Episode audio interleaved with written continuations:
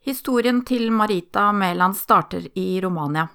Marita ble adoptert til Norge og får en trygg og god oppvekst på Vestlandet. Marita var ikke spesielt opptatt av biologisk opphav, men skulle litt tilfeldig i en gruppe på fire venninner få sin bakgrunn undersøkt. I løpet av kort tid får hun vite at det var funnet biologisk mor og ti yngre søsken. Marita forteller om reisen ned til Romania og hva som har skjedd med henne og familien siden den gang. Da har jeg eh, fått eh, Marita med meg i dag. Hei, Marita. Hallo. Du har eh, en historie fra Romania. Hvor gammel var du når du kom hit til Norge? Jeg var to og et halvt.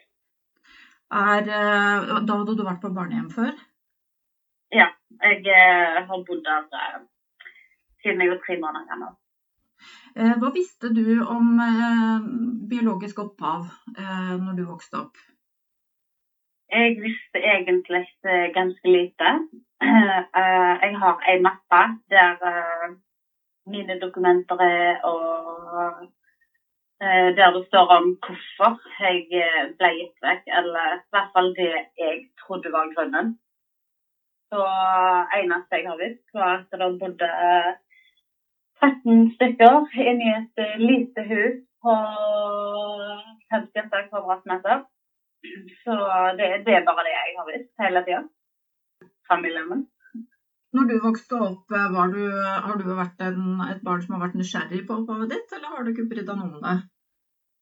Jeg har ikke følt at jeg har trengt det, egentlig. Så jeg har hatt god familie her hjemme. At jeg jeg har liksom ikke tenkt noe særlig over det. Altså, selvfølgelig så tenker du av og til på hvem du ligner på. Når du hører andre unger si 'Å, jeg ligner på mannen min', så sitter du der sjøl og vet ingenting. Så akkurat, jeg har jo tenkt på det, selvfølgelig, men det har aldri vært noe stor interesse for meg.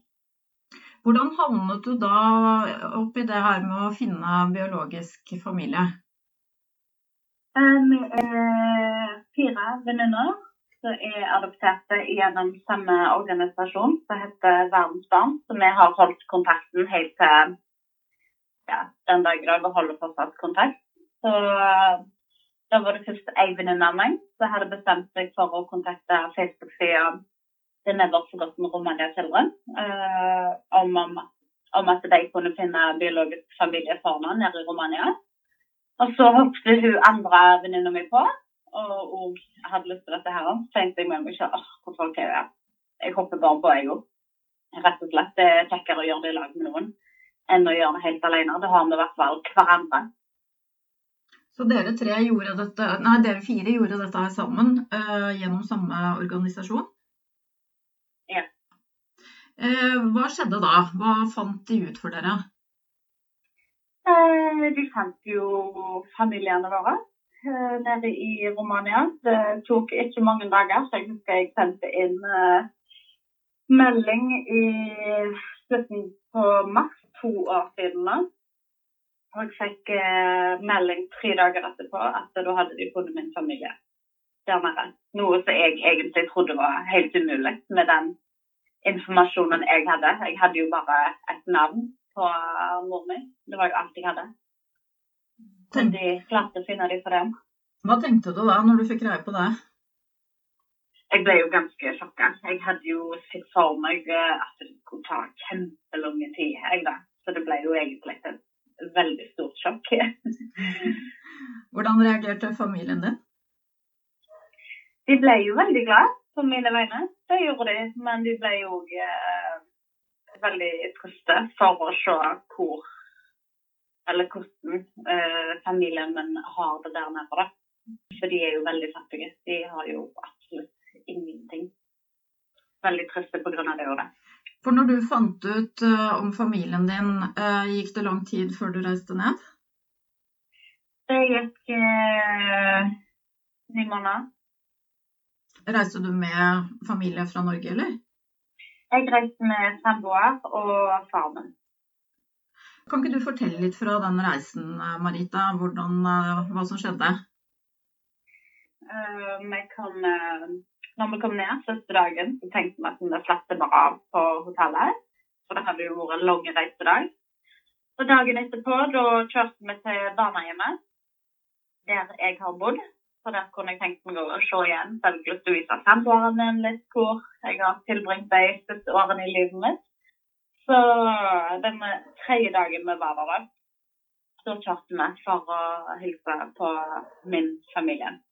Det var voldsomt kjekk opplevelse, uh, der du lærer ganske mye om uh, opphavet ditt og egentlig deg sjøl. Mm. For du ser jo ganske mange ting, egentlig, Så jeg aldri har trodd at jeg kanskje har uh, fått litt fra deg, da. Men du ser det jo med en gang du kommer ned der. hvordan de har det, så var det òg veldig trist å se hvordan de har det, hvor fattige de er. og har rett og slett ingen verdens ting. De eh, bodde i et lite hus som rett og slett er på størrelse med badet mitt. Mm. Og der bodde de åtte stykker nå. Og tre av søsknene mine er flytta ut og har gifta seg.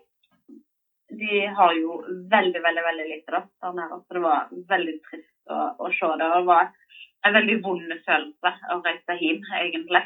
For jeg visste jo da at det tok kom til å ta lang tid før jeg kom til å se dem igjen. Egentlig reise fra dem når at de har det såpass vondt der nede. Så vet du at du sjøl skal hjem og leve et liv i luksus i forhold til deg. da. Så det var hele ti søsken du hadde? Ja, jeg har ti søsken. Jeg er eldstemann, og så kommer resten på løpende bånd. Fikk du greie på når du var der nede hvorfor eh, nettopp du ble satt til adopsjon? Eh, ja, eller jeg ble fortalt av eh, tanten til eh, mannen min. For mannen min har ikke lyst til å fortelle meg egentlig noen ting, tror jeg, for å være helt ærlig.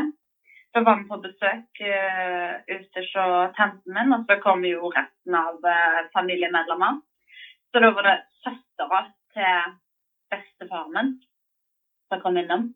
Mm. Og, det var huset, og da spurte hun mor mi har du fortalt henne hva som egentlig har skjedd, og hvorfor hun ble gitt vekk. Men da hadde jo ikke mammaen min lyst til å si noen ting, egentlig. Men da bare tok hun tantens styring og fortalte meg hvorfor. Og grunnen var jo at uh, jeg er jo halvt uh, sigøyner det. Um, far min han er ikke sigøyner.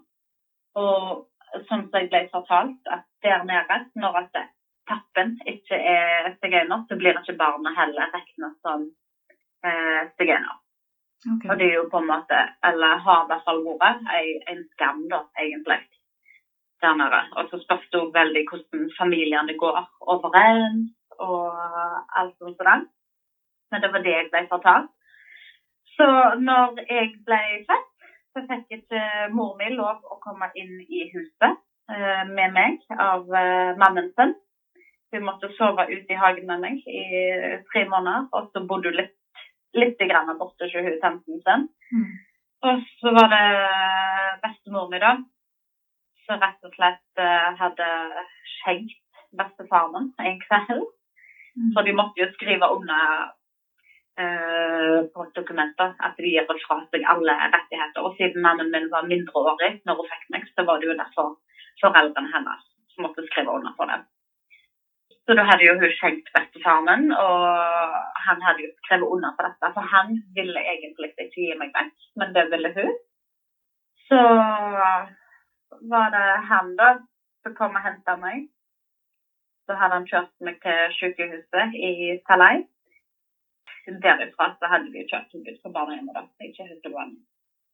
Så din biologiske mor hadde i utgangspunktet ikke noe mulighet til å, til å beholde deg? Nei, jeg tror egentlig ikke det. Hun hadde jo ingen verdens ting. Hadde jo ikke, hadde jo ikke mulighet til å kunne ta vare på meg, uansett om hun skulle hatt beholdt meg, egentlig. Nei. Har dine biologiske søsken har de visst om deg? Ja, det har de. Eh, broren min hadde visst prøvd å uh, lete etter meg, fikk jeg beskjeden. Jeg vet jo ikke om at dette her er så sant, eller om det er bare noe de sier for at jeg skal føle meg litt bedre. Eller tror det i hvert fall, tenker jeg. Så hun sa jo da at han hadde prøvd å lete etter meg og spurte etter informasjon fra mannen min, men hun hadde sagt han da at hun ville ikke gi noe informasjon om meg, egentlig, til han. Så tenker jeg hun kan jo ikke ha hatt noe informasjon om meg uansett, bortsett fra navnet jeg hadde når jeg bodde der nede. Hvordan tenker du om møtet sånn i ettertid, Marita? Eh, var det masse følelser innblanda, eller ble du stående litt på utsiden og se inn? Jeg følte egentlig litt uh, begge deler, for å være helt ærlig. Jeg tror det spørs veldig hvordan jeg følte meg den, uh, fra dag til dag når vi var der nede. Men jeg merka jo da at når vi var med alle søsknene mine og alt sånt, så følte jeg jo så følte jeg litt at jeg satt utsida og satt og kikket inn. Men når jeg var alene med mor mi, så følte jeg mer en tilknytning og prøve å bli litt bedre kjent med henne. Hadde hun savnet deg alle de årene, eller ble du på en måte et kapittel som ble stengt den dagen du ble gitt bort? Det vet jeg egentlig ikke. Eh, jeg tror jeg tror ikke hun husker så himla mye. Så jeg husker da når jeg snakket med henne første gangen etter jeg hadde funnet dem. Så spurte jo hun meg når jeg hadde bursdag og når jeg ble født. og sånt. Jeg tenkte med meg selv å herligheten, vet du ikke det, liksom.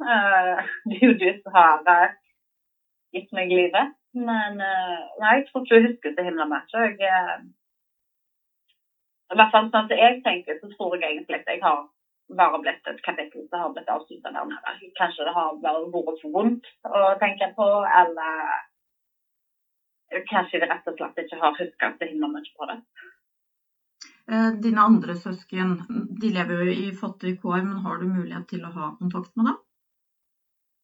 Jeg snakker med broren min veldig mye. De andre søstrene mine er flytta ut. Jeg har tre søstre som er flytta ut. De har jeg ikke mulighet til å snakke med. Nei, fordi de bor i samme landsby. Har du truffet dem? Eh, ene søsteren min har jeg ikke sett. jeg mangler én. Men resten av de har jeg truffet. Så hun eldste søsteren min hun er jo gift og hun har eh, to barn. Og hun andre hun var nettopp eh, blitt i lag med mannen sin. da.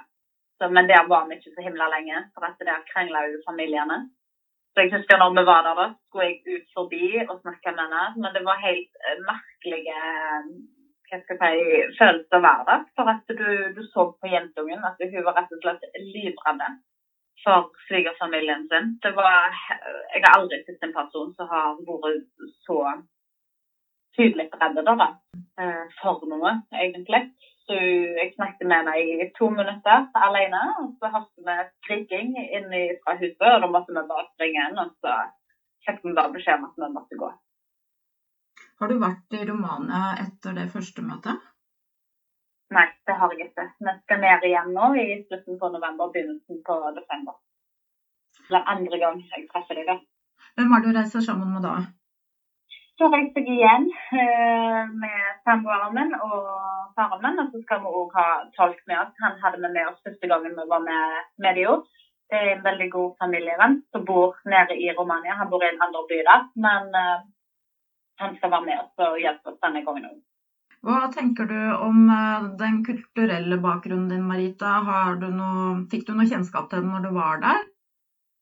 Nei, jeg føler egentlig ikke noe tilhørighet med det, altså det er sigøynerkultur du tenker på nå, eller? Ja. ja.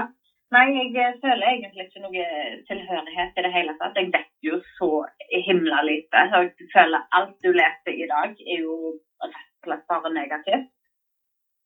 Jeg kunne veldig gjerne tenkt meg å lese mye mer og rett og slett bare få se hvordan det egentlig er. For der er jo ganske mye regler innvendig til kultur.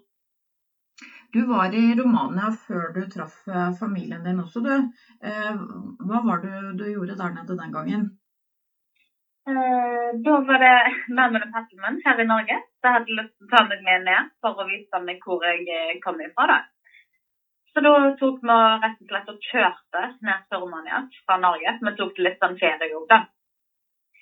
Og da var vi og kikket på barnehjemmet. Og så var vi i, litt i byen der eh, jeg eh, kom ifra. Men jeg, eh, jeg var den gang 13 år. Og jeg vet ikke om det var rett og slett ble for mye for meg. For det var ikke noe jeg hadde tenkt så himla mye på. Jeg følte det kom litt mye innover meg, da. Så vi var der rett og slett ikke mer enn i to dager. Så kjørte vi igjen. Mm. Du, du sier de lever jo under veldig fattige kår. Var du forberedt på det før du reiste?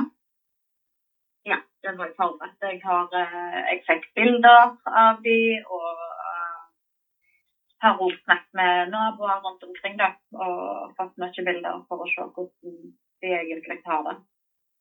Hva lever familien din av der nede? Jeg tror egentlig at de lever rett og slett bare av barnebidrag. Eh, jeg- tror helt ærlig at det er derfor de har fått så mange eh, barn. For at da får de litt mer eh, penger. Så jeg tror rett og slett det er det de lever av. Eh, Men så vet jeg òg at de reiste på en gård da, i noen måneder. Fra våren og til høsten. Og så passer de på andre sine dyr. Biologisk far, fikk du vite noe om han når du var der nede?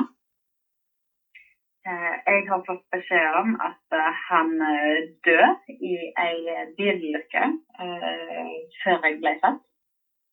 Men jeg er veldig usikker på om det egentlig er sant, eller om det bare er noe hun forteller til meg. For hun vil ikke si meg navnet på ingen verdens ting. Så jeg vet rett og slett ingenting om han. Eneste hun tanten da, til mor mi fortalte at det var en eh, nabo rett og slett, av um, besteforeldrene mine bodde. Uh, nå bor jo min tante der, da.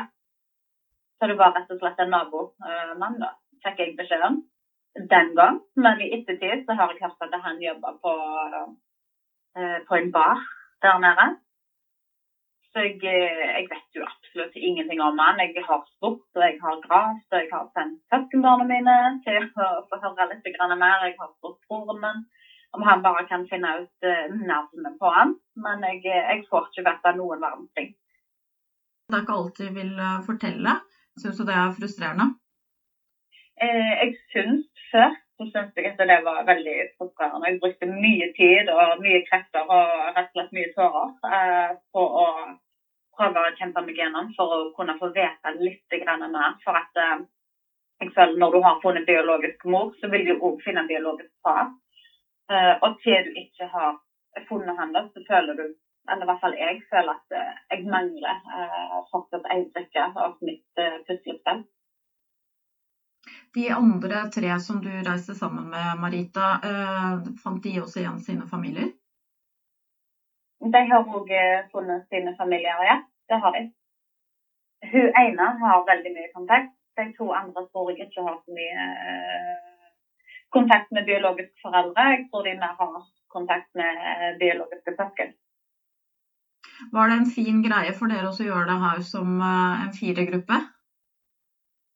Ja, det, det syns jeg. Eh, Det var veldig mye tanker og veldig mye du skal igjennom på den tiden. Og alt var veldig stort og overveldende. Så jeg syntes det var kjempegreit å gjøre det i lag med noen. For da ble det akkurat et uh, lite støttenettverk. jeg husker Vi ringte jo til hverandre alle sammen med en gang vi hadde funnet ut noe nytt om vår familie eller bare om vi hadde noen tenker, eller var litt grann lei oss, så var det det, det var bare en telefon vekke. Så fikk vi snakket litt om det, og det er så godt å snakke med folk som er i den samme situasjonen som deg, og så har det helt likt. Du sier at du snakker en del med broren din. Eh, Føler du det har blitt et ordentlig søskenforhold? Nei, jeg gjør det egentlig ikke det. Jeg snakker med han for at han er den eneste som kan skrive og lese skikkelig av dem. Men sånn i ettertid når du sitter hjemme, Marita, føler du at du har fått en ny familie, eller er det familien er hjemme i Norge? Familien er jo her hjemme i Norge, så kommer jo alltid til å være. Jeg føler mer at de som er der nede, faktisk er For meg her i dag så er de bekjente, men de er ikke noe mer. Eh, når du skal ned der neste gang, tenker du å være der litt for å hjelpe dem? Ja, jeg tenker jo det. Uh, vi kjøpte jo hus til dem forrige gang som vi var der nede. De sa at de trengte et hus, for nå er det kommunen som eier det huset de, de bor i. Sånn at de har et uh, Uansett om de ville gjort det bedre for seg selv, så har de ikke tenkt å kunne gjøre det bedre for seg selv. Så vi kjøpte jo huset dem når vi var der nede, men uh, de har dessverre ikke gjort noen verdens ting med huset. Greit, nå vet jo jeg at de har jo altså de har jo ikke akkurat så himla mye penger å kunne fikse det opp for. Men jeg hadde i hvert fall trodd at de skulle vise litt interesse for å kunne ordne opp huset sjøl. For uh, huset er jo ikke i så veldig god stand, det vi kjøpte, men det er voldsomt store tomt og store jorder med masse frukttrær, og det er poteter, og det er mais. og Sånn at de blir litt mer selvforsynte. Og da, da, trenger jo ikke bruke så mye penger på mat heller, tenkte vi. Men uh, så snakket jeg med broren min rett før jul, og det hadde jeg tolket med samtalen. Så spurte jeg bare hva, hva er planene deres for huset framover. Og da sa jo han å, vi har skifta alle vinduer, og nå skal vi begynne på ytterdøra. Og jeg trodde jo på dette her. Så jeg tenkte å, så bra, endelig. sant? Nå skal de kunne få det litt bedre. Så føler jeg jeg kunne lette litt på min, på min samvittighet da, for at jeg har det så godt. Um, så var det en, en fra organisasjonen The Never Forgotten Romania Children som kjørte opp med dem med noen julegaver for meg. Og så skulle han se på dette her, huset, da. og da fikk jeg jo bilder, for det var jo ingenting som var blitt gjort. Um, så jeg vet, jeg vet at familien min lyver en del. Er det noe du tenker at du kunne reist ned for å satt i gang? Altså dette her med som du sier, med å, å begynne å dyrke ting og Ja, uh, vi har snakket veldig mye om det, meg og Fernen og samboere her, her inne. Og vi har jo veldig lyst til å hjelpe til. Men så er det jo òg da at uh, eh, tolken vår han jobber jo da i Norge halve året. Sånn at det er vintermånedene som passer best for ham der nede. Og det er jo vintermånedene som er vanskeligste å gjøre noe uh, med huset. Det, eh, broren din eh, som du har litt kontakt med, ønsker han å besøke deg i Norge? Han spurte meg siste kvelden etter en time om at jeg kunne finne jobb til han her i Norge. Men da forklarte jo tolken vår han da at eh, når du ikke kan engelsk og nesten ikke kan skrive eller lese, så er det jo utrolig vanskelig å få jobb i Norge. Sånn at uh, han kommer ikke til. Eh, hvordan er det med dine søsken, har de fått mulighet til å gå på skole i det hele tatt? Uh, vi sa når vi kjøpte huset til dem, at den eneste betingelsen var at ungene skulle gå på skole, og de skulle få seg en utdannelse. I hvert fall at de skulle gå på grunnskolen. Så det var vår betingelse. Men jeg vet jo rett og slett ikke om at de går på skolen. Jeg håper jo det for deres eget beste. At de i hvert fall kan lære seg å lese og skrive. Hva tror du er grunnen til det, eh, i og med at ikke de søsknene dine jobber? Eh, hva er grunnen til at de da ikke går på skole? De må hjelpe til hjemme med husarbeid og med yngre søsken. Hvordan ser du, Nå fikk du jo være der noen dager. Hvordan ser en vanlig hverdag ut eh, hos familiene? Det vet jeg helt ærlig ikke. For de gjorde ingenting av det vanlige når jeg var der nede. Da tror jeg alt sto på vent, rett og slett. Jeg fikk ikke se hvordan en vanlig hverdag er. Eh, er det ikke jobber å få heller i området der? Det er nok jobber å få i området, men så er det jo det at uh, rumenere sjøl har jo et veldig dårlig syn på sigøynere. Sånn at de sier de altså Nå sier jo ikke jeg at alle er sånn, for det er jo selvfølgelig ikke. Men uh, flertallet i hvert fall uh, gir de rett og slett ikke en sjanse. De de har ikke en sjanse for å kunne komme seg godt fra skiten. Hvordan er det med språket, Marita? Har du tenkt å lære deg litt eh, rumensk? Uh, ja, jeg har jo voldsomt lyst. Nå er det jo bare å ha tid til det. Men uh, jeg har lært meg litt, men det er ikke nok til å kunne ha en, en hele samtale. Det er dette. Men jeg forstår mye mer enn det jeg kan snakke selv. Og det er løye hvor mye du egentlig jeg, jeg tror kroppen husker det, rett og slett, fra du var liten. Skal du ha med deg barna dine ned når du reiser neste gang?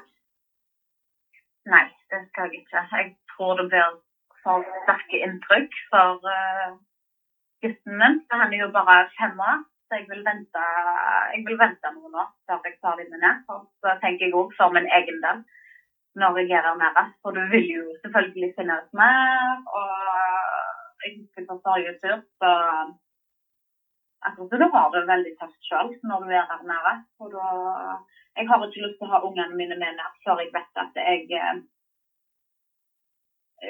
jeg klarer å være en god mor for dem da, når jeg tar dem med meg nedover. Er det fattigdommen du tenker som blir så overveldende? Ja, jeg tror egentlig det. De har uh, det er hullete klær og sko. Det er jo et bitte lite hus. Det er nesten ikke mat. Nesten ikke penger. Det er Når du går opp til huset deres Vi kunne jo ikke kjøre helt fram engang. For det var jo rett hele veien var jo bare sorpedann, rett og slett. Når du tenker fremover, Marita, hva slags eh, kontakt ser du for deg i fremtiden? Det vet jeg egentlig ikke, eh, for å være helt ærlig. Jeg ser jo for meg at jeg kommer jo jeg kommer jo til å ha kontakt med dem, men det er stopper jo bare rett og slett eh, hvor mye. Eh, og hvor mye de lyver til meg, egentlig. Ja, for det tenker du er det største problemet med det? At ikke du får sannheten på det du spør om? Ja, jeg føler egentlig at det er det største problemet det er voldsomt frustrerende, føler jeg. Og spør de om noe, så får du et svar, og så viser det seg jo at det svaret ikke er sant. Og det har jo skjedd med ganske mange ting nå. Følelsen du sitter igjen med, Marita, etter å ha funnet dem og den reisen du har vært på med det, føler du at det har vært en ålreit reise? Ja, det gjør jeg. Eh, jeg har vært en voldsomt lærerik reise der jeg har lært mye om meg sjøl og hatet mitt. Så jeg, jeg er fornøyd sjøl, det er jeg. Men uh, det er jo selvfølgelig ting du stusser litt over. Ting du gjerne kanskje ikke ville ha visst, egentlig. Da vil jeg bare si tusen takk for din uh, historie, Marita, at du ville dele. Bare kjekt det. Og tusen takk for uh, at du ville høre.